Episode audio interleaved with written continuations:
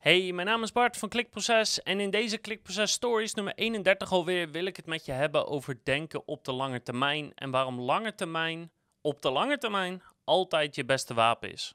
Welkom bij Klikproces met informatie voor betere rankings, meer bezoekers en een hogere omzet.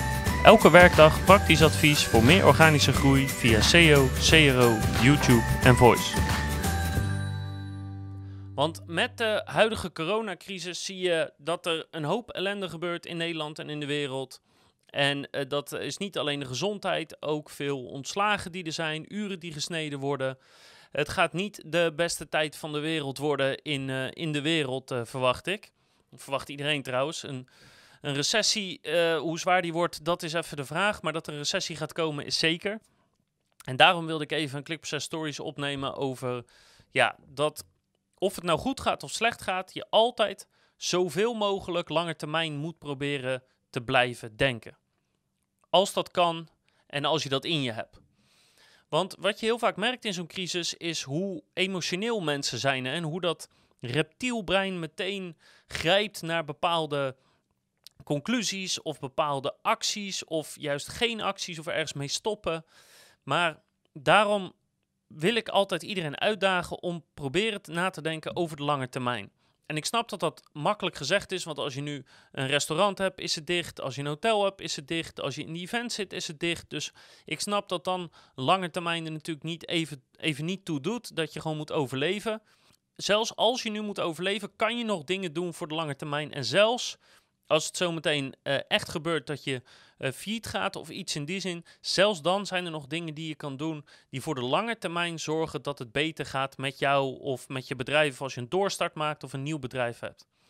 En daarmee bedoel ik, eh, probeer ik niet af te doen aan zeg maar de, de, pijn en de moeite en het verdriet en, en alles wat erbij komt kijken als je, als je failliet gaat of gedwongen bent te stoppen. Uh, het is bij mijn ouders ook gebeurd in het verleden, dus ik heb er wel het een en ander van meegekregen. Maar ik bedoel eigenlijk vooral het volgende. Dus stel bijvoorbeeld dat je een restaurant hebt. Ja, dan kan je op dit moment gewoon helemaal niks. En uh, op dit moment uh, weten we ook niet wanneer het open gaat. Maar er zijn een paar dingen die je zou kunnen doen, die je op de lange termijn kunnen helpen. Jou persoonlijk of jouw restaurant waar je werkt. En dat is door bijvoorbeeld via video's content marketing toe te passen die laat zien wie jij bent als chef-kok of als kelner of als maître of, of wie dan ook. En uh, hoe, hoe het werkt in een restaurant. Het kan zijn dat je laat zien hoe je bepaalde gerechten bereidt. Um, het kan zijn dat je laat zien waarom je bepaalde dingen wel of niet doet. Maar je kan nu bijvoorbeeld video's maken die jou als persoon meer autoriteit geven binnen het vakgebied waarin je werkt. En dat kan je op lange termijn weer helpen om een nieuwe baan te vinden. Um, om zodra de, de sluizen weer open gaan en de mensen naar, naar buiten mogen, dat jouw restaurant meteen weer zo snel mogelijk vol zit. Um, het kan je gewoon helpen om op de lange termijn meer geld te verdienen, meer omzet te halen, meer klanten aan te trekken. Dus het enige wat ik eigenlijk probeer te zeggen is, omdat het nu even slecht gaat of heel slecht gaat, probeer als het enigszins kan vast te houden aan de dingen die je altijd al doet voor de lange termijn. En of dat nu marketing is, of de manier waarop je investeert, of de manier waarop je omgaat met je, met je bedrijf, of de cultuur binnen het bedrijf.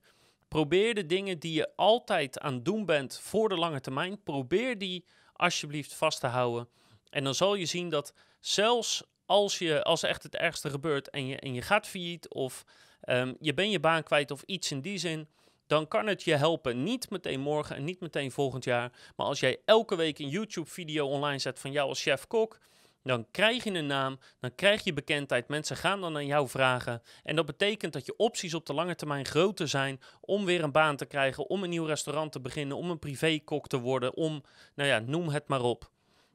Dus blijf bezig met de dingen die je op lange termijn kunnen helpen. Want dan zal je zien dat over tien jaar, als je terugdenkt aan deze crisis, dat je hopelijk denkt van god, wat ben ik blij dat ik dat toen heb gedaan of dat ik dat heb volgehouden of dat ik toch mijn aandelen ben blijven kopen zoals ik altijd gedaan heb.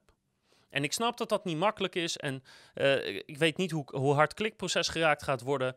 Um, maar ja, weet je, daar voor, voor ons geldt hetzelfde. Um, we weten het niet precies, dus we gaan vooral door met de dingen die ons op lange termijn kunnen helpen. En dan gaan we ervan uit dat met alle skills die we hebben, met, met het geweldige team wat we hebben. En met alles bij elkaar dat we hier doorheen gaan komen. En dat we gewoon op termijn weer flink gaan groeien.